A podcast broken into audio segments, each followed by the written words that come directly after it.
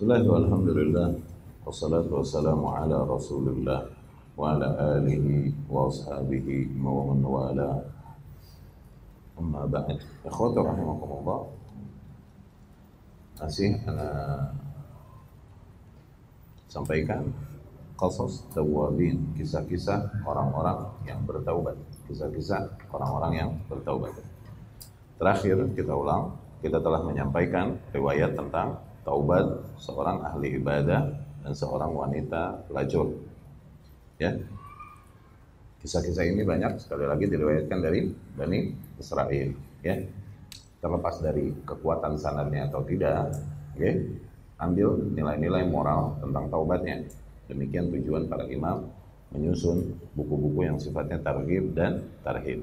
Seringkali mereka tidak terlalu memperhatikan kekuatan sanad Kenapa? Di dalam hal ini fungsinya adalah nilai moral yang diambil darinya. Ya. Karena kan tidak disimpulkan darinya sebuah hu, sebuah hukum. Oke? Okay? Amba'ana Syekh Abdul Faraj Abdurrahman bin Ali Al-Imam. Kisah taubat seorang ahli ibadah dan seorang wanita pelacur. Telah menyampaikan kepada kami Syekh Abdul Faraj Abdurrahman bin Ali al-Imam yakni maksudnya telah berkata kepada kami al-Imam Jamaluddin Abdurrahman bin Ali al-Qurashi al-Taimi al-Bakri al-Baghdadi al-Hambali kemudian akhbarana Abdul Malik ibnu Abil Qasim qal akhbarana Muhammad bin Ali bin Umair akhbarana Muhammad bin Muhammad bin Abdullah al-Fami أخبرنا محمد بن أحمد المرواني قال حدثني محمد بن المنذر شكر.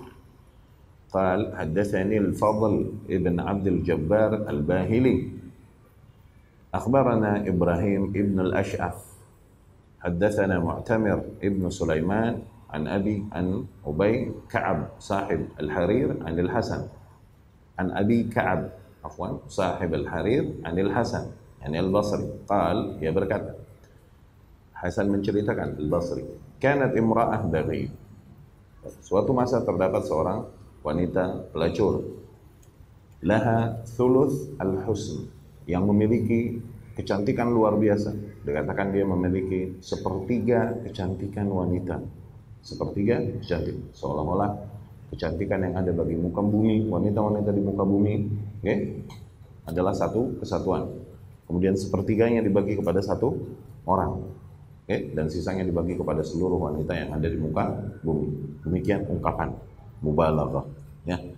Hiperbolis, ungkapan hiperbolis untuk menggambarkan betapa cantiknya seseorang. La tumakin min nafsiha illa bimi'ah dinar. Dia tidak membiarkan seseorang menikmati tubuhnya kecuali dengan 100 dinar wa innahu absaraha abidun fa'ajabathu dan sesungguhnya dan kemudian suatu hari seorang ahli ibadah melihat wanita tersebut. Dan dia terpesona dari wanita itu. Fadhahaba fa'amila biyadayhi wa'alaj fajamma' mi'ata dinar.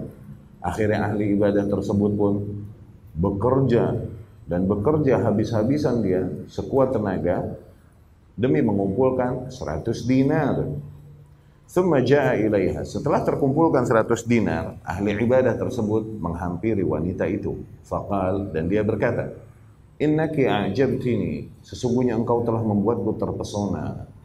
Fantalaqtu fa'amiltu biyadai.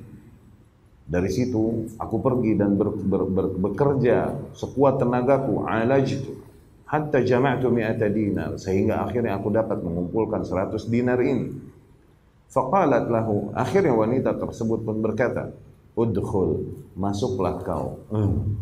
Ya, yakni ini wanita memiliki ghurfa, memiliki sebuah kamar memiliki. Fadakhal, akhirnya lelaki tersebut pun memasuki kamar wanita itu. Wa kana laha sarir min dhahab. Ternyata wanita tersebut memiliki sebuah ranjang yang terbuat dari emas. Fajalasat ala saririha. Wanita itu pun duduk di atas ranjangnya. Summa qalat lahu halum. Kemudian wanita itu berkata kepadanya, "Mari." Falamma jalasa minha majlis al-khatin dan ketika lelaki itu berada di posisi khatin, ini posisi seorang lelaki dari wanita yang siap melakukannya, nggih? Dzakara maqamahu baina yadayillah. Tiba-tiba lelaki tersebut teringat posisinya di hadapan Allah Subhanahu wa taala kelak. Fa'akhadathu huraja. Tiba-tiba dia didatangi oleh rasa takut yang luar biasa membuat dia bergetar. Faqala laha, akhirnya ia berkata kepada wanita itu, "Utrukini akhruj." Biarkanlah aku keluar. Walakil mi'ah dinar. Ambillah 100 dinar itu untukmu. Qalat, wanita itu pun berkata, "Ma badalak wa qad za'amta annaka ra'aitani fa'ajabtu." Apa yang terjadi denganmu? Bukankah kau barusan berkata bahwasanya ketika kau melihatku, langsunglah kau terpesona kepadaku dan kemudian kau pergi dan berusaha sekuat tenagamu sehingga kau kumpulkan 100 dinar. Falamma qadirta alayya fa'alta alladhi fa'alt. Namun ketika kau telah berkuasa sepenuhnya atasku, maka kau lakukan sekarang yang kau lakukan ya, malah kau menghindar dariku, meninggalkanku demikian. Fakal akhirnya lelaki tersebut berkata, farakan minallah. Yani demi menyelamatkan diri dari murka Allah Subhanahu wa taala, aku meninggalkanmu. Wa min maqami baina yadai, aku meninggalkanmu karena aku takut kelak nanti posisiku di hadapan Allah Subhanahu wa taala. Wa qad baghutti ilai sekarang kau menjadi makhluk yang paling aku benci. Fa'anti abghadun nasa ilai. Bahkan engkau adalah wanita yang paling aku benci. Kata lelaki tersebut kepada wanita ini. Yang tadinya adalah makhluk yang paling dicintainya dan memotivasinya ngumpulin 100 dinar. Faqalat, akhirnya wanita tersebut pun berkata, In kunta sadiqan, fama liya zawjun ghairuk. Apabila kau benar, jujur mengatakan apa yang kau rasakan sekarang, maka sungguh aku tak layak menikah kecuali hanya denganmu. Yani aku hanya akan memberikan diriku hanya kepada kepadamu. Ya? Fakal, lelaki malah nama nggak mau. Dia berkata, Da'ini akhruj, biarkan aku keluar. Fakalat, wanita berkata, La, enggak. Illa an taj'ala li an atazawwaj bi. Kecuali kalau kau mau menikahiku, baru kau boleh keluar. Uh, wanita pun tersentuh hatinya untuk takut kepada Allah Subhanahu wa taala dan bertobat bersama lelaki ini. Qal ia berkata, "La." Lelaki tersebut pun berkata, "Tidak, hatta akhruj." Pokoknya aku mau keluar dulu. Qalat wanita tersebut berkata, "Fali 'alaik in ana ataituk an tatazawwajani." Tapi kau harus nanti suatu saat apabila aku mendatangimu, kau harus mau menikahiku. Okay? Qal lelaki tersebut pun berkata, "La'al gimana entar deh." Ya salah. Tuh. Fataganna abi Akhirnya lelaki tersebut pun menutupi mukanya dengan sorbannya, summa kharaja ila baladi. Dia keluar dari kamar wanita tersebut dan dia tinggalkan negeri wanita itu dan dia kembali ke kampungnya. Wartahalat taibatan nadimatan. Kemudian beberapa lama kemudian wanita tersebut pun pergi meninggalkan negerinya dalam kondisi bertaubat kepada Allah Subhanahu wa taala ala ma kana minha dari praktek yang selama ini dilakukannya hatta qadimat balada dan dia pun menghampiri negeri lelaki tersebut no Fasa'alat an ismihi wa manzil. Kemudian dia bertanya-tanya di negeri tersebut tentang tuh lelaki, di mana dia, di mana dia tinggal. Fadullat alaihi. Kemudian beberapa orang pun menunjukkan tempat lelaki tersebut. Faqila lahu, Akhirnya banyak orang yang berkata kepada lelaki itu, Innal malikah qad ja'at. Sesungguhnya seorang permaisuri telah datang mencari, mencarimu. Falamma ra'aha. Dan ketika lelaki tersebut ahli ibadah itu melihat wanita syahiq syahqah famat dia terkaget luar biasa terjatuh dan kemudian dia mati di tempat oh ya? Wasaqata fi yadiha. Terjatuhlah dia di tangan wanita tersebut, di dalam pelukannya. Waqalat, akhirnya wanita tersebut berkata, Amma hadha faqad fatani. Sesungguhnya lelaki ini aku telah kelewatan. yakni aku nggak sempat menikahinya, mendapatkannya. Okay? Fahallahu min qarib. Apakah ini lelaki punya saudara, punya kerabat? Qalu, penduduk kampung tersebut berkata, Aku rajul fakir. Ya, dia punya seorang saudara lelaki, lelaki yang fakir. Qalat wanita tersebut pun berkata, "Fa inni atazawwajuhu hubban li akhi." Maka sungguh aku akan menikahi saudaranya itu berangkat dari cintaku kepada saudaranya ini yang menjadi sebab tahu taubatnya. Oke? Okay? Fatazawwajathu. Singkat cerita, akhirnya wanita tersebut pun menikahi saudara ahli ibadah tersebut. Fanasharallahu minha sab'at anbiya. Kemudian dari pernikahan itu Allah turunkan dari wanita tersebut tujuh orang nabi dari rahim wanita tersebut. Tujuh orang nabi. Ya.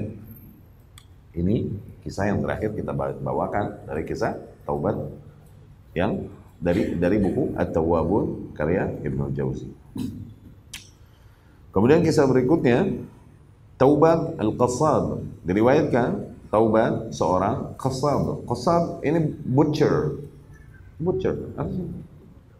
Tukang jagal ya, tukang jagal, kang daging, kang daging.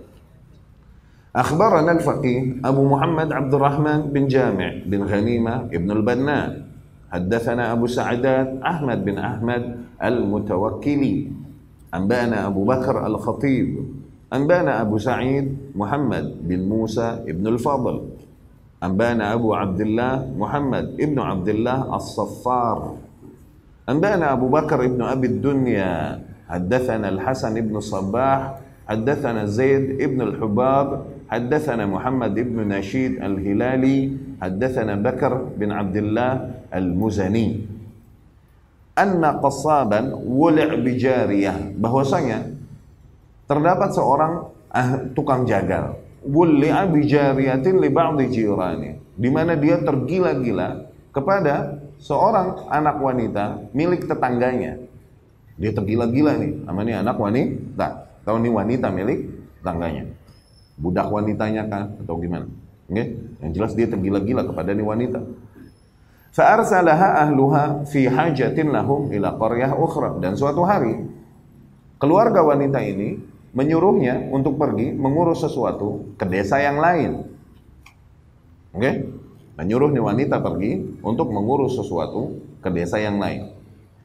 Fatabi'aha. Pada saat itu, ini tukang jagal, dia ikuti nih wanita. Farawadaha an nafsiha. Terus digodain di jalan demi mendapatkan nih wanita. Nge? Karena kan dia udah tergila-gila nih, dia terobsesi sama nih wanita. Nge? Bangsa di temboknya foto dia mulu. Faqalat, akhirnya wanita tersebut pun berkata, La taf'al, jangan begitu dong. Lianna la ana asyaddu hubban min kali. Sungguh aku ni jauh lebih mencintaimu daripada kau mencintaiku. Wah, ternyata nih wanita mencintainya juga. Sungguh aku ini jauh lebih mencintaimu daripada kau mencintaiku. Walakinni akhafullah. Tapi aku takut kepada Allah. Kal, akhirnya lelaki tersebut pun berucap dalam dirinya. Anti takhafina wa ana la akhafu. Engkau takut kepada Allah sementara aku berani kurang ajar kepada Allah subhanahu wa ta'ala. Faraja ta'idan dari situ dia tinggalkan wanita tersebut, dia kembali dalam keadaan bertaubat kepada Allah Subhanahu wa taala. Fa'asabahu al-'atash hatta kada yanqati'a.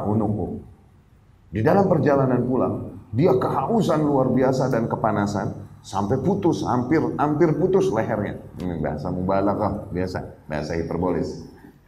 Kehausan dan kepanasan luar biasa. Faiza huwa birasulin li ba'dhi anbiya Bani Israel. Ternyata di tengah jalan dia ketemu dengan seorang rasul di antara nabi-nabi Bani Israel. Ya, alaihi wassalatu wassalam. Israel adalah kaum yang nggak pernah lepas dari keberadaan seorang nabi. Kullama halaka nabi ja'ahu nabi. Setiap meninggal seorang nabi ada nabi lagi, ada nabi lagi. Terus diasuh dan diatur oleh para nabi dari zaman dulu Israel. On the way pulang, dia ketemu dengan seorang rasul di antara nabi-nabi yang ada pada Bani Israel. Fasa'alah. Dia pun bertanya kepadanya. Qal, malak, apa yang terjadi denganmu? Lelaki tersebut pun menjawab, Al-atash, aku kehausan luar biasa. Qal, Nabi tersebut pun berkata, Ta'ala hatta nad'u Allah, hatta tuzillana sahabah, hatta nadkhul al-qaryah. Marilah kita bersama berdoa kepada Allah Subhanahu wa taala sehingga semoga awan teduh menaungi kita dan terus menemani kita, meneduhi kita perjalanan kita sampai ke desa kelak nanti. Qal, lelaki tersebut pun berkata, "Mali min amal, sungguh aku nggak punya sebuah amal saleh yang dengannya aku dapat berdoa kepada Allah Subhanahu wa taala." Qal, Nabi tersebut pun berkata, "Fa ana ad'u wa amin anta." Biarkan aku yang berdoa, kau amini saja. Qal fada'ar rasul. Akhirnya Rasul tersebut pun berdoa kepada Allah Subhanahu wa taala wa ammanahu. Lelaki tersebut pun mengamini doa Rasul tersebut. Fa'adhallathum sahabah. Akhirnya mereka terus dinaungi oleh awan teduh. Okay? Hatta intahu ilal qaryah sampai mereka pulang kembali ke negerinya. Fa'akhadha al-qassad ila makani. Berpisahlah, ini tukang jagal pergi kembali ke rumahnya. Wa malatis sahabah famalat alaihi. Adapun awan mendung tersebut justru mengikuti tukang jagal itu dan meninggalkan ni Rasul. Malah yang dinaungi ni tukang jagal, ni tukang jagal tersebut. Faraja'a Rasul. Akhirnya Rasul tersebut pun kembali. Faqal dan ia berkata, "Za'amta anna laisa laka amal." Kau bilang katanya kau tak punya amal soleh yang kau banggakan. Wa ana alladhi da'awtu wa anta alladhi amant. Aku yang berdoa, kau hanya mengamini. Fa'adhalatna sahaba thumma tabi'at. Akhirnya awan mendung tersebut menaungi kita dan kemudian awan tersebut malah mengikutimu. Litukhbira la tukhbiranni ma. Maka kau harus mengatakan kepadaku apa yang telah terjadi padamu. Ya ini dia meminta lelaki untuk menceritakan amal apa yang telah kau lakukan sehingga kau mendapatkan kemuliaan sedemikian rupa. Awan ini pun akhirnya memilih untuk mengikutimu dan meninggalkanku seorang rasul. Huh? La tukhbiranni ma amru. Kau harus mengatakan kepadaku apa yang telah kau perbuat. Faqala Rasul, fa akhbara. Akhirnya lelaki tersebut pun menceritakan kejadian yang telah terjadi padanya. Faqala Rasul, Rasul tersebut berkata, "At-taibu ilallah." Orang, sungguh orang yang bertaubat kepada Allah bimakanin laisa ahad minan nas bimakani Sungguh orang yang bertaubat kepada Allah berada di dalam sebuah posisi yang tidak ada manusia-manusia lain berada di posisi itu. Ya, bahkan seorang rasul. Bahkan seorang rasul. Ya. Kemudian di antara kisah-kisah taubat dari Bani Israel terdapat riwayat tentang taubat sahib ar-raghif, taubat si pemilik roti sahibur raghif. Raghif adalah roti yang panjang yang digunakan untuk bikin hot dog. Itu bahasanya raghif. Roti panjang itu raghif.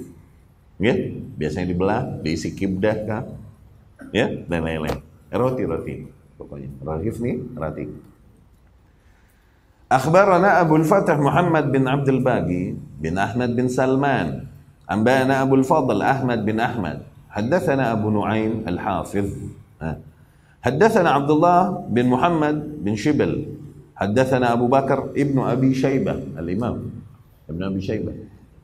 حدثنا معتمر ابن سليمان عن أبيه يعني عن سليمان. حدثنا أبو عثمان عن أبي بردة رضي الله عنه قال يا بركات أبي بردة الأسلمي. يا أبي بردة الأسلمي. والله أعلم. Lama hadarat Aba Musa al-wafat, ketika kematian menghampiri Abu Musa, yakni Abu Musa siapa ini? Al-Ash'ari. Siapa? Levelnya apa? Sahabat. Berarti radhiyallahu Ketika Abu Musa al-Ash'ari sekarat, okay, dia berkata kepada anaknya berpesan, Ya bunai, wahai anak-anakku, Uzkuru sahibar raghif, ingatlah kisah sahibar raghif si, si orang yang punya roti ini, si orang yang punya roti. Orang yang punya roti ini kisahnya gimana? Karena rajulun yata'abbad fi sawma. Terdapat seseorang yang beribadah di dalam sebuah sauma'ah. Nah, ahlul kitab dulu sering kali mereka membuat sauma'ah, kuil-kuil kecil di, di atas atas bukit biasanya dibuat dengan sangat zuhud dari tanah liat, sauma'ah. Okay? Dan mereka meninggalkan banyak aktivitas kehidupan duniawi dan banyak melakukan ritual di atas di ibadah aja di kuil-kuil tersebut. Ini di ahlul kitab dulu banyak terjadi demikian sebelum datangnya risalah Muhammad sallallahu alaihi wasallam. Oke? Okay? Mereka hidup sangat zuhud. Oke? Okay? Nah, makanya jadi budaya kuil di ahli kitab tuh itu tuh. Ya? Bahkan mereka menjauhi wanita, menjauhi menjauhi apa? menikah gitu. Makanya jadi budaya di ahlul kitab. Pada masa itu, sebelum masa Rasul Shallallahu Alaihi Wasallam, bisa jadi hal tersebut dibenar, dibenarkan. Gaya hidup demikian, lifestyle demikian, bisa jadi dibenar, dibenarkan. Tapi tidak setelah datangnya risalah yang menyempurnakan agama Allah Subhanahu wa taala. Maka yang paling ideal dan paling sempurna adalah sebagaimana sunnah Rasul, yakni lifestyle Rasul sallallahu alaihi wasallam. Nikah sunnati, nikah adalah sunnahku. Ya, Nah, seperti kisah, ingat kisah tentang George Juraij, Juraij. Eh. Juraij itu kan di mana? Di Sauma'ah. Sauma'ah ini nama tempat-tempat ibadah mereka. Terdapat seorang pria, ia ta'abbad fi Sauma'ah. Dia banyak melakukan ibadah di dalam Sauma'ahnya. Urahu sab'ina sana. 70 tahun dia beribadah di situ. La yanzilu illa fi yaumin wahid. Tidaklah dia turun kecuali hanya di dalam satu hari. Qal fashabbah atau syabbah asyaitanu fi ainihim ra'ah. Suatu hari syaitan menghiasi di mata nih ahli ibadah tersebut seorang wanita. Fakana ma'aha sab'ah ayam. Akhirnya terpesona dia dengan wanita itu dan akhirnya dia menghabiskan waktu bersama wanita tersebut tujuh hari. No, berarti enam, ma, enam malam. Dia beribadah udah berapa lama? 70 tahun. Oke? Okay? Kemudian dia akhirnya terpesona dan berada bersama wanita itu berapa lama? Tujuh, ha? Tujuh hari. Nah, selalu saja wanita ini adalah godaan yang paling besar yang Allah ciptakan untuk Bani Adam. Seorang ahli ibadah, seorang orang yang bertakwa mungkin bisa jadi dia terlepas dari syubhat. Nggak kena syubhat dia. Nggak kena bid'ah. Nggak kena khomer. Nggak kena riswah. Mungkin bisa jadi. Okay? Nggak kenal. Tapi wanita. Nah, dari situ Rasul berkata sallallahu alaihi wasallam, "Ma taraktu ba'di fitnatan adarra 'ala rijal minan nisa." Tidaklah aku tinggalkan sepeninggalku fitnah, godaan yang lebih dahsyat bagi kaum lelaki daripada wanita. Tuh, godaan paling besar adalah dari sisi syahwat itu, wanita. Kemudian Rasul pun sallallahu alaihi wasallam berkata kepada kaum wanita, "Ma ra'aitu an apa ma ra'aitu naqisati dinin wa naqisati aqlin wa dinin." Wahai kaum wanita, sungguh aku tidak pernah melihat makhluk yang akalnya tidak sempurna, agamanya tidak sempurna. Akal tidak sempurna maknanya apa? Lebih dominan perasaan daripada akal. Agamanya tidak sempurna maknanya apa? Ada beberapa waktu mereka nggak bisa sholat, nggak bisa puasa. Sungguh aku tidak pernah melihat makhluk yang tidak sempurna akalnya dan tidak sempurna agamanya. Namun azhab li rajulil hazim minkun. Namun paling bisa, paling efektif membuat meleleh seorang lelaki yang idealis yang kuat daripada kalian.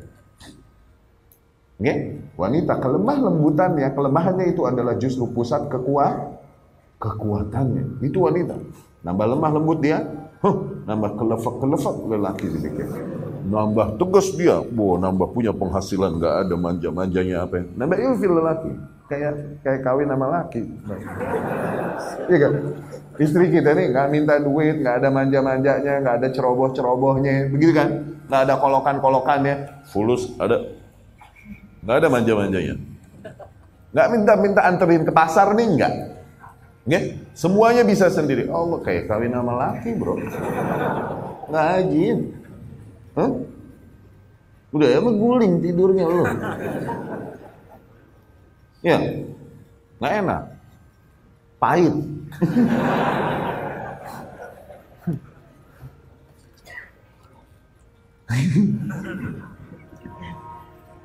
Sampai mana dah? Akhirnya syaitan menghiasi seorang wanita di matanya. Akhirnya tergodalah dia dan terjerumus bersama wanita tersebut selama tujuh hari. Okay? Thumma kashkushifa 'anil rajul ghitau. Kemudian dihilangkan ghitau. Ghitau ini sesuatu yang menutupnya. yakni didatangkanlah oleh Allah kesadaran di dalam hatinya. Fa kharaja ta'iban. Dia tinggalkan wanita tersebut dan dia bertaubat kepada Allah Subhanahu wa taala. Wa kana kullama khata khutwah salla wa sajad dan taubatnya dia luar biasa. Satu langkah dia lakukan, dia sholat dan sujud. Setiap satu langkah dia sujud. Satu langkah dia sujud. Saking bertaubatnya kepada Allah Subhanahu wa taala. Demikianlah kondisi sebagian Bani Israel terdahulu. Wallahu alam ini di masanya Isa alaihi salam. Kenapa? Enggak ada syariatnya. Syariat nih sunnahnya Isa alaihissalam kabur, ngeblur. Akhirnya sering kali mereka beribadah dengan perasaan dan semangat.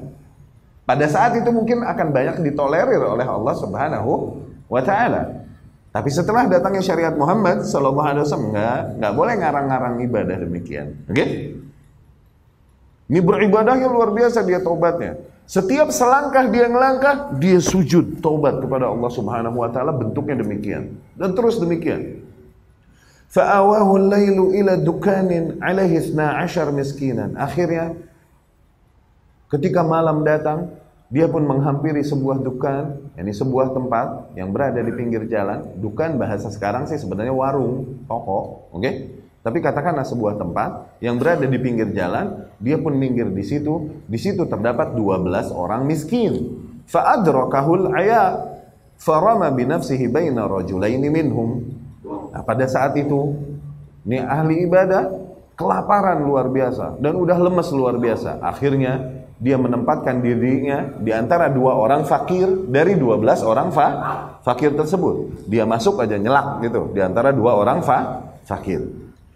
Wa kan thamma rahib yab'ats ilaihim kulla lailah arghifah fayu'ti kulla insanin raghifah. Dan emang rutin ada seorang rahib pendeta yang suka mengirim roti buat orang-orang miskin yang ada di situ. Setiap malam dikasih 12 roti di situ. Oke? Okay? Setiap malam rutin. Setiap orang dapat satu roti. Satu roti.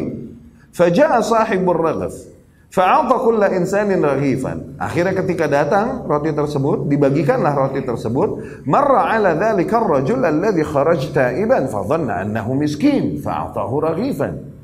Dia melewati nih orang yang taubat itu, dia kira nih orang miskin juga, dibagilah satu roti.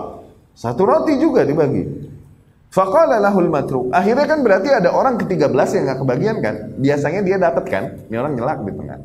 Faqala lahul matruk. Yang gak kebagian nih berkata, Malak lam tu'tini raghifi. Kenapa kau tak memberi jatahku rotiku? Faqal, pendeta tersebut berkata, Turani amsaktu annak. Apakah kau kira aku akan menguntit rotimu?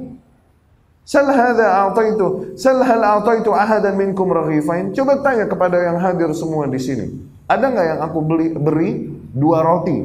Gitu. Kali ada salah, kali ada yang kebagian dua roti kagak? Gitu. Qalu mereka berkata, "La, enggak ada.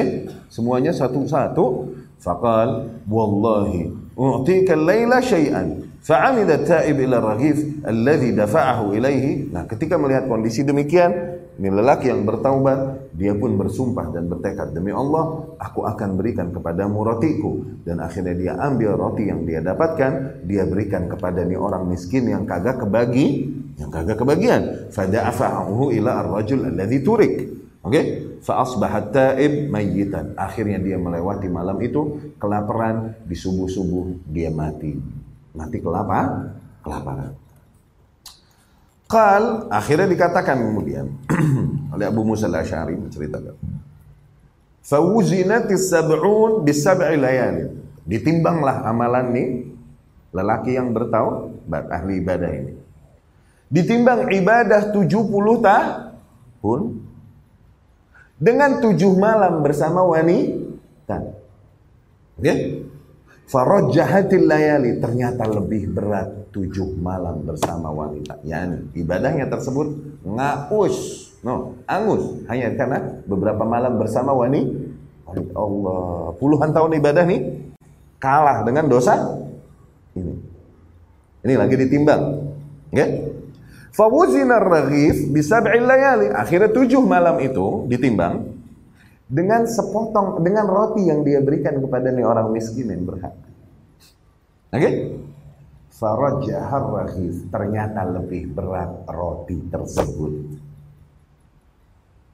Faqala Abu Musa, Abu Musa al-Ash'ari radhiyallahu anhu berkata, "Ya bunayya, udhkuru sahib ar-raghif, wahai anakku, ingatlah tentang sahib raghif itu." Tentang orang yang milik punya roti, kisah itu. Ajib. Moralnya di kisah ini apa? Ikhwan rahimakumullah. Syuk. Seringkali ibadah-ibadah yang sifatnya kepedulian sosial selalu anak ulang-ulang kan? Membantu orang, membantu agama Allah, membantu syiar dalam agama Allah, membantu keluarga yang membutuhkan, membantu hutang dan lain-lain, membantu kebutuhan kaum muslimin. Ini pahalanya jauh lebih besar daripada ritual-ritual yang sifatnya sunnah. No. Seringkali demikian. Cuman kita ini ngeremehin ibadah-ibadah yang sifatnya kepedulian sosial demikian, bantuan, dan kita lebih menekankan diri pada hal-hal yang sifatnya ritual-ritual sun, sunnah. Bukankah pernah anda sampaikan analoginya? Bahkan Rasul berkata Sallallahu Alaihi Wasallam, Lian amshi ma'akhin li fi hajatin lahu. Aku pergi bersama saudaraku membantunya memenuhi kebutuhannya khairun wa ahabbu ilai itu jauh lebih aku cintai dan lebih baik bagiku. Min an a'takifa fi masjid hadha. Daripada aku beriktikaf di masjidku ini. Allah. Iktikaf Ramadan bayangkan pahalanya iktikaf Ramadan apa keutamaannya? Hah? Iktikaf Ramadan. Oke? Okay? di masjid biasa. Apalagi itikaf Ramadannya di masjid Nabi Shallallahu Alaihi Wasallam. Kali ceban, kali sepuluh ribu kali lipat, iya kan? Kalau di Masjidil Haram Mekah seratus ribu, gede nggak pahalanya? Gede kan? Tapi itikaf. Tapi however Rasul bilang Shallallahu kan kalau sholat di Masjid Nabawi kan dikali sepuluh ribu kali lipat daripada masjid biasa. Berarti ibadah itikaf pun pahalanya adalah Hah, ini bengong ngantuk apa lapar apa bah lu sih. Kali ceban juga berarti. Begitu. Ya.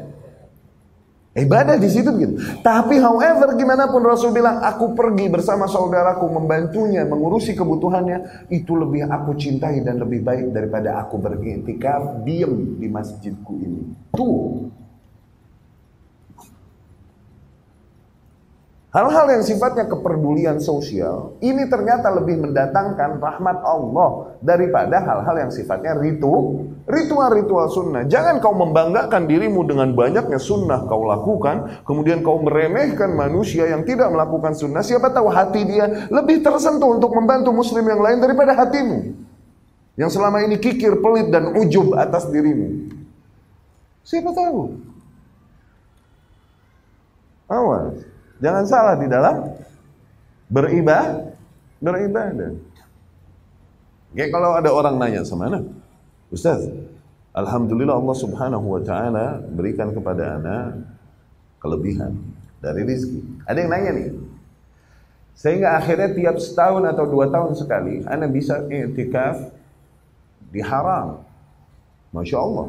Ramadan di sono dan beriktikaf di sana. Setiap setahun atau dua tahun sekali. Luar biasa kan? Luar biasa kan? Oke. Okay. Apakah bid'ah Ustaz? Kalau Anda rutin tiap tahun ke sono Ramadan, bid'ah enggak? Dikata bid'ah sih enggak lah. Enggak. Iya kan? Cuman apa yang kau lakukan? Ngejar pahala bukan? Ini lagi cerita ngejar pahala bukan? Iya kan? Ah, mau yang lebih gede nggak pahalanya? Berarti begitu dong, ngejar pahala berarti yang gede gitu. Iya kan? Tuh fulus daripada pakai intikaf di sono, bayarin saudaramu yang punya hutang. Pang, tuh. Pahala intikaf Ramadan dapat dari pahala niat, pahala saddudain dapat tuh. Kalau ngomong pahala, kalau emang yang dikejar pahala, pahala bukan gaya setahun sekali sono ngumroh. Ramadan. Kalau pahala yang dikejar bukan gaya. Oke? Okay? Kalau mau kejar gaya, lagi Bid'ah nggak? Enggak sih. Dapat. Jangan remehkan ibadah-ibadah yang sifatnya kepedulian kepada sesama. Jangan remehkan itu. Kalaupun kepada kafir, kalaupun kepada kafir ya. Oke? Okay? Kau menghalangi, menolong seorang kafir yang dizalimi, eh, ini pahala yang agung juga besar. Kepedulian, kepedulian. Jangan manusia deh, ama hewan. Ama hewan, kepedulian yang sifatnya kepada he, hewan. Hewannya hewan yang najong lagi, najis, anjing. Oke, okay? najis gak? Bukankah seorang pelacur dengan dosa seorang pelacur hanya air putih yang diberikan kepadanya kemudian menjadi sebab terampunkan ya dosa sebesar dosa seorang pelacur apabila idza kanatir rahmatu bil baghaya bil kilabi taghfirul khataya lil baghaya famadha tasna'ur rahmah liman wahada rabbal baraya. Apabila rasa rahmat rasa kasih sayang rasa kepedulian oke yang ditunjukkan kepada seekor anjing saja nih, hewan yang dinajis-najisin, itu dapat mengampuni dosa sebesar dosa seorang pelacur. Tuh, rasa kepedulian yang kita limpahkan, yang kita tunjukkan hanya kepada seekor anjing aja dapat menjadi penyebab terampuninya dosa sebesar dosa seorang pelacur. Oke? Okay? Maka bagaimana apabila rahmat kepedulian demikian kita tujukan juga kepada manusia yang masih mentauhidkan Allah Subhanahu wa taala, mengikuti sunnah Rasul sallallahu alaihi wasallam, maka sebesar apa dosa yang akan terampuni. Bayangkan, jadi analogi kan? Air putih buat anjing doang jadi sebab tersebar apa terampuninya dosa sebesar dosa seorang pelacur. Sekarang bagaimana apabila kepedulian ini kita tunjukkan kepada manusia ahlu tauhid, ahlu sunnah juga. Sebesar apa dosa yang akan teram terampuni? Ini apa? Kita ini suka ngelihat amalan-amalan kita remehkan hanya karena apa? Makanya Rasul bilang sallallahu alaihi wasallam, "La tahqiranna minal a'mali syai'an." Jangan kalian pernah meremehkan amalan saleh sekecil apa pun. Bisa jadi apa? Amalan yang remeh itu ternyata menjadi penyebabmu di akhirat. Adapun amalanmu yang besar ternyata yang luar biasa ini tidak terhitung sama sekali di sisi Allah Subhanahu wa taala. Siapa yang tahu? Dan lebih lagi dari situ, jangan kau meledek, menghina, meremehkan orang lain yang beramal tidak sampai level amalanmu. Siapa tahu dia punya amalan khusus yang dia lakukan yang ternyata lebih diterima oleh Allah Subhanahu wa taala. Dan itu dia jadikan hanya antara dia dengan Allah. Dia nggak sebarkan pada manusia. Siapa yang tahu? Ya? Seorang sahabat berkata seorang sahabat dikabarkan Rasul Shallallahu Alaihi Wasallam akan datang nanti dari sana seorang ahli surga. Ternyata datang seorang sahabat dari arah ya Yaman. Diikutin oleh Amr bin As radhiyallahu anhu wala Abdullah bin Amr bin As. Anda lupa nih hadis. Cuman nilainya di sini adalah ternyata nih orang nggak banyak nggak banyak melakukan amal sah amal saleh. Cuman apa? Hatinya bersih dari hasad kepada manusia. Hatinya bersih dari dendam kepada manusia. Di antara beberapa lagi amalan seseorang ini dia ahli surga. Ternyata begitu berbakti dia kepada orang tuanya. Ibadahnya, sholatnya, puasanya biasa. Abu Bakar radhiyallahu anhu manusia paling tu, paling mulia setelah Rasul sallallahu alaihi wasallam. Apa kalian pikir Abu Bakar mengalahkan sahabat-sahabat yang lain karena lebih banyak sholatnya, lebih banyak puasanya, lebih banyak sodakohnya? Bukan. Ibnu Abbas, Ibnu Mas'ud, semua para sahabat berkata, "Masa bakona Abu Bakar bi salah wala siyam." Abu Bakar ini tidak mengalahkan kita dengan banyaknya puasa, dengan banyaknya salat, dengan banyaknya puasa dan itu bukan itu, bukan dengan itu Abu Bakar mengalahkan kita.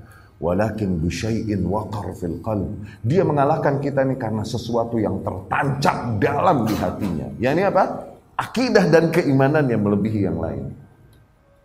Ritualnya santai, nggak sebanyak itu. Tapi akidah dan keimanannya, pengorbanannya, ngikutnya kepada Rasul Shallallahu Alaihi Wasallam nggak nanggu. Ketika orang meragukan Rasul, dia nggak ragu sedikit pun. Itu Abu Bakar radhiyallahu anhu. Ah, setiap orang punya bab amalan masing-masing sesuai dengan kelebihan yang Allah berikan masing-masing. Oke? Okay?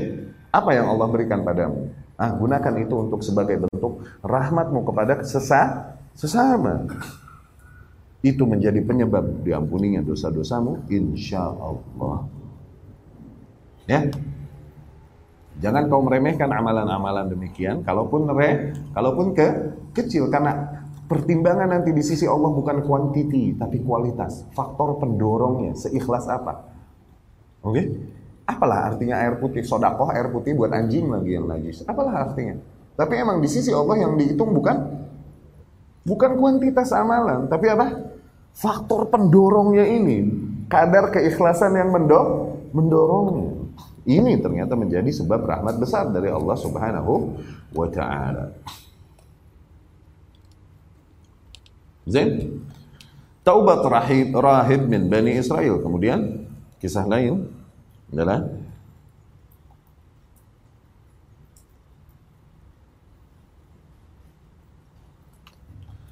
kisah lain Taubat Barakh Al-Abid. Taubat si Barakh ahli ibadah. Namanya Barakh Barkhun. Oke. ذكر ابن البراء في الروضة أنبأنا الفضل بن حازم حدثني يوسف ابن عزولة حدثني مخلد ابن ربيعة الربعي عن كعب يعني كعب الأخبار رضي الله عنه قال يا berkata Qahitat Banu Israel ala ahdi Musa alaihi salam. Suatu hari di masa Musa alaihi salam, Banu Israel mengalami kemarau yang luar biasa. Fa'sa'alu ayyas tasqiyalahum. Akhirnya Bani Israel meminta kepada Musa alaihissalam untuk istisqa, untuk meminta kepada Allah agar diturunkan hu, hujan. Faqal, akhirnya Musa berkata, "Ukhruju ma'i ilal jabal." Kalian semua keluar dan ikutlah bersamaku menuju gunung, menuju bukit. Fakharaju, mereka semua pun keluar. Falamma sa'idal jabal, ketika mereka menaiki gunung, Musa pun berkata, "La yatbi'ni, la yattabi'ni rajulun asaba dzamban." Awas, jangan ada seorang pun mengikutiku yang pernah berbuat dosa. Jangan ada seorang pun yang pernah berbuat dosa mengikutiku. Wow, susah gak? Hah? Fansarafu jami'an uh, fansarafa akthar min nisfihim. Akhirnya berkuranglah jumlah orang yang mengikutinya lebih dari seteng setengah. Summa qala Kemudian setelah melanjutkan perjalanan, Musa pun berkata lagi, La yattabi'ni man asaba dzamban. Jangan mengikutiku seorang pun yang berbuat dosa. Fansarafu jami'an. Akhirnya semuanya pergi meninggalkan Musa alaihi salam. Habis siapa yang nggak dosa, Bro? Iya enggak? illa rajulan wahidan kecuali seorang lelaki kecuali seorang lelaki A'war buta matanya. Yuqalu lahu barakh al-abid. Namanya barakh si, si ahli ibadah si abid. Abid artinya ahli ibadah. Namanya barakh zain? Faqala lahu Musa. Musa pun berkata kepadanya alaihi salam alam tasma' ma qult? Apakah kau tak mendengar apa yang kukatakan? Qal bala. Barakh berkata iya aku dengar. Qal, falam tusib dzamban? Oh, berarti kau tak pernah berbuat dosa sama sekali? Qal, ma a'lamu. Ya, sepengetahuanku sih kagak ya. Illa syai'an azkuru. Ada sih satu nih, aneh ingat. Fa in kana hadza dzamban, raja'at. Kalau misalnya ini terhitung dosa, maka aku akan pulang, aku akan kembali. Qal, ma huwa? Musa bilang alaihi salam, apa ya, kasus apa? Ya? Dia berkata, "Marartu fi tariq." Suatu hari aku melewati sebuah jalan. Fa idza bab hujrah maftuh. Eh taunya pintu kamar terbuka. Ada sebuah rumah, pintu kamarnya tebu terbuka. Falamahtu bi'aini hadhihi adh-dhahibah syakhsan la a'lamahu. Kemudian aku aku ngintip no sekali ke dalam kamar. Ada seseorang, aku nggak tahu siapa dia itu. Selewat, dhahibah, yani selewat sekilas. Fakultu li'aini, aku pun berkata kepada mataku, Anti baina badani sara'ti ilal khati'ah. Engkau salah satu anggota tubuhku yang paling cepat berbuat dosa. La tusahibini ba'daha. Jangan kau menemaniku lagi setelah ini. Fa'adkhaltu asbu'i faqala'tuha. Maka kemudian aku pun memasukkan jariku dan aku mencongkel mataku. Ini ajib amat. Syuf. Fa in kana hadza dzamban rajat. Kalau ini dosa hitungannya wahai Musa alaihissalam, maka aku akan pulang. Musa berkata alaihissalam, "La, laisa hadza dzamban." Ini bukan dosa. Awas, jangan pulang dari sini itu colok-colok mata. Ini kisah-kisah Bani Israel, banyak Israeliat masuk. Terus colok-colok lagi mata orang udah pulpen. Qala lahu, Musa berkata kepadanya, "Istasqi ya barah." wahai Barakh, mintalah hujan kepada Allah Subhanahu wa taala. Faqal Barakh pun berkata, Kudus, Kudus, wahai yang maha suci, wahai yang maha suci. Ma indaka la yanfud. Sesungguhnya nikmat-nikmat yang ada padamu tak pernah habis. Wa tafna dan perbendahara perbendaharaan kekayaanmu tak akan pernah habis. Wa anta bil bukhlit la turma. Sesungguhnya engkau adalah zat yang tidak disifati dengan sifat kikir, pelit. Fama hadzal ladzi la tu'rafu bihi Iskinal ghaith as-sa'ah as-sa'ah. Hujanilah kami saat ini juga, saat ini juga. Qala fansarafa yakhudanil wahal. Akhirnya mereka semua, mereka berdua nih pulang dalam keadaan basah kuyup. Udah hujan gede benar. Ya. Lagi. Udah lapar ya? Udah malam? Hah? Satu lagi ya, satu lagi. Banyak ini, ada sekarung. Lumayan ya, kita ini belajar akidah, usul fikih, apa ini itu, itu ngerasin. Oke, kita perlu hal-hal demikian untuk melembut, melembutin. Kita perlu penyeimbang dari tazkiyatun nufus, demikian. Ya, kita perlu. Oke, Riyadus Solihin hari Selasa itu perlu. Kenapa? Untuk menyeimbangin ilmu-ilmu yang sifatnya sains, ilmu-ilmu agama yang sifatnya sains kayak ilmu usul, akidah, usul fikih, kawaid fikih. Ini kan agama sebagai sains tuh. Kadang bikin kenceng hati itu, bikin kaku kadang. Kita perlu ngelembutinnya dengan apa? Kayak di Riyadus Salihin kemarin, hadis-hadis tentang zuhud, tentang reka, tentang hidup terbatas dan lain-lain. Gitu ya. Ya, perlu kita mengimbangi hal demikian. Taubat seorang hamba yang banyak berbuat maksiat. Eh. Waruya dan diriwayatkan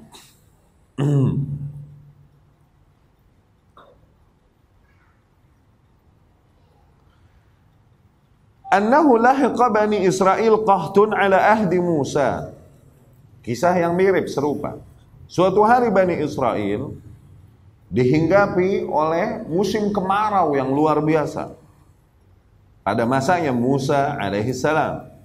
Fajtama'an nasu ilaihi. Ya. Yani al-Imam rahimahullah Ibnu Qudamah al-Maqdisi, afwan. Al-Imam Ibnu Qudamah al-Maqdisi berkata, juga diriwayatkan kisah ini, ya, bukan Ibnu Jauzi, afwan, Ibnu Qudamah. Juga diriwayatkan kisah ini bahwasanya Suatu masa Bani Israel dilanda kemarau yang luar biasa pada masa Musa alaihi salam. Fajtama'an nasu ilaihi faqalu. Akhirnya para manusia pun berkumpul menghampiri Musa alaihi salam dan mereka berkata kepada Musa, "Ya kalim Allah, wahai seseorang yang Allah langsung berbicara kepadanya." Kalim Allah sifat Musa alaihi salam. Maknanya apa? Di mana Allah langsung berbicara kepadanya tanpa perantara. Nah, itu dibilang kalim. Ud'u lana rabbak ayyuskiyana al-ghaith. Berdoalah kepada Tuhanmu bagi kami agar ia turun agar ia turunkan hujan. Faqam ma'ahu. Akhirnya Musa pun berdiri bersama mereka wa kharaju ila sahra. Mereka pun pergi berangkat menuju padang pasir. Wahum sab'una alfan wa yazidun. Jumlah mereka pada saat itu lebih dari 70 ribu orang. Faqala Musa alaihi salam, Musa pun pada saat itu alaihi salam berkata, Ilahi, wahai Tuhanku, iskina ghaithan. Hujanilah kami dengan hujanmu. Wansyur alaina rahmatan. Ratakanlah pada kami rahmatmu. Yani hujan adalah rah rahmat. Warhamna bil atfali warruba. Kasihanilah anak-anak kami warruba dan hewan-hewan yang masih menyusu, menyusui wal bahaim ar-ruta' wal masyayikh ar-ruqa' rahmatilah hewan-hewan yang ada rahmatilah para orang-orang tua yang sudah bungkuk. Fama zadatis sama illa taqasyuan pada saat itu langit tidaklah bertambah kecuali tambah mengkilap yakni tambah pa tambah panas. Wasyamsu illa harara. Tidaklah bertambah matahari pada saat itu kecuali panas. Faqala Musa. Akhirnya Musa alaihissalam berkata, Ilahi in kan qad khalaq jahi indak فبجاه النبي الأمي محمد صلى الله عليه وسلم الذي تبعث في آخر الزمان فأوحى الله إليه Okay. Khaluk di sini balia wa dhahaba. Musa berkata, "Ilahi in kana qad khaluk, wahai Tuhanku, apabila jahku, posisiku di sisimu, posisiku kelak nanti di sisimu, sudah hancur, sudah rusak ya Allah, maka dengan posisi nabimu kelak, kemuliaan Muhammad sallallahu alaihi wasallam yang kelak akan akan engkau utus di akhir zaman nanti." Ya, Fa'auhallahu ilaihi. Maka Allah pun wahyukan kepada Musa alaihi salam. Ma khalaqa jahuk indi. Sungguh posisimu tidaklah rusak di sisiku wahai Musa alaihi salam. Wa innaka indi wajih. Kau tetap berada dalam posisi yang mulia di sisiku wahai Musa alaihi salam. Walakin fikum abdun yubarizuni mundu arba'ina sana. Tapi di antara kalian terdapat seorang hamba yang banyak berbuat maksiat kepadaku sejak 40 tahun lalu. Bil ma'asi dengan maksiat-maksiat yang banyak. Dia menantangku dengan maksiat-maksiat sejak 40 tahun lalu. Tuh di antara kalian. Fanadi fin nasi hatta yakhruja min baini adhhurikum fihi mana'tukum maka serulah dia di antara kalian siapa suruh maju Suruh dia menampakkan dirinya di antara kalian. Sesungguhnya dikarenakan dialah aku menahan hujan ini atas kalian. Ya Allah. Tuh, ittaqu fitnatan la tusibanna alladzina zalamu minkum Hati-hatilah kalian kepada azab yang tidak hanya menimpa orang-orang zalim saja di antara kalian. Azab kalau udah datang gedubrak bro, semuanya kena, nggak pilih-pilih. Ini bumi kalau udah terbelah kayak kemarin no, Laut kalau udah tumpah, itu nggak milih-milih rumah siapa. Semuanya kena. Ya, buat hamba-hamba Allah yang beriman, ini menjadi musibah dan kifarat baginya. Tapi buat umumnya manusia menjadi teguran dan menjadi hukuman atas mereka. Sebagaimana dihukum kaum-kaum terdahulu yang mempersekutukan Allah subhanahu wa ta'ala dan menyebarkan kemungkaran. Ya? Itu. Karena dialah aku melarang hujanku, aku menahan hujanku. Karena satu orang ini. Faqala Musa, akhirnya Musa berkata, Ilahi wa sayyidi, wahai Tuhanku.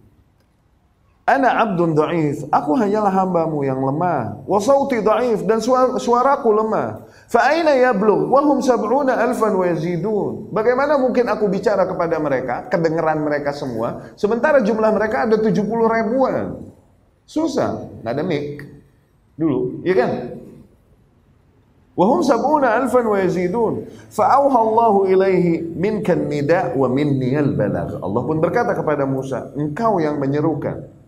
Okay? Nanti yang menyampaikan suaramu kepada telinga manusia, itu urusanku. Aku yang akan menyampaikan. Tuh. Ini juga salah satu mujizat dan karamah Rasul atau Nabi terdahulu. Sering kali Nabi berkhutbah dan didengar oleh para sahabatnya dan sahabatnya mengingat, mengingatnya. Dulu ada mikrofon gak sih? Nah ini dari mana dong? Ini karama, ini mujizat bentuk. Ya? Ini karama atau muji mujizat. Karamah bagi para sahabat yang mendengar, mujizat bagi Nabi sallallahu alaihi wasallam. Engkau yang menyampaikan wahai Musa. Nanti aku, engkau yang menyerukan, nanti aku yang menyampaikan kabar ini kepada mereka. Oke? Okay? Kata Allah Subhanahu wa taala.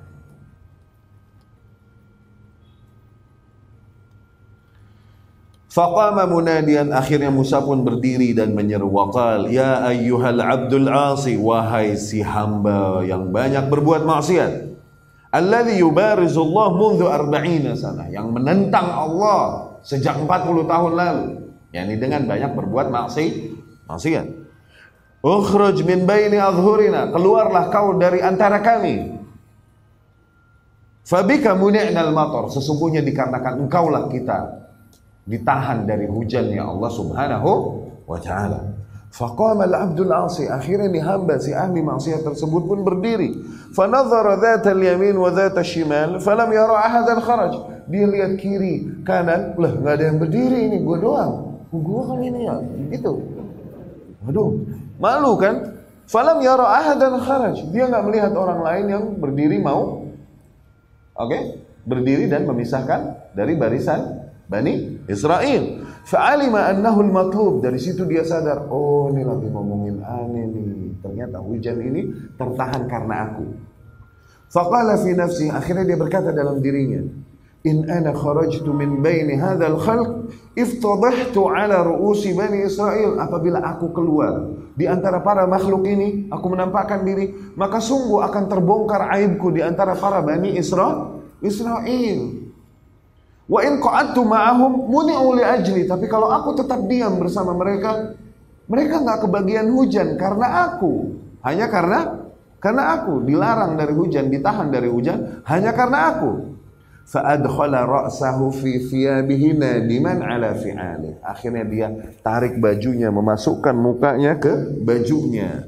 Waqal dan dia berdoa di tempatnya itu sambil nggak berdiri, nggak jadi berdiri. Ilahi wa sayyidi. Dia berkata, wahai Tuhanku, wahai junjunganku, asaituk arba'ina sanah wa amhaltani. Sungguh aku telah memaksiatimu selama 40 tahun dan masih kau mengulur bagiku Wa qad ataituka ta'ian fa'aqbilni dan sungguh pada hari ini aku telah datang kepadamu dalam kondisi taat kepadamu maka terimalah taubatku yastatimmal kalam hatta irtafa'at sahabah bayda fa'amtarat ka afwahil karab belum kelar dia berdoa kepada Allah Subhanahu wa taala tiba-tiba langit tersebut mendung dan kemudian turun hujan deras atas mereka.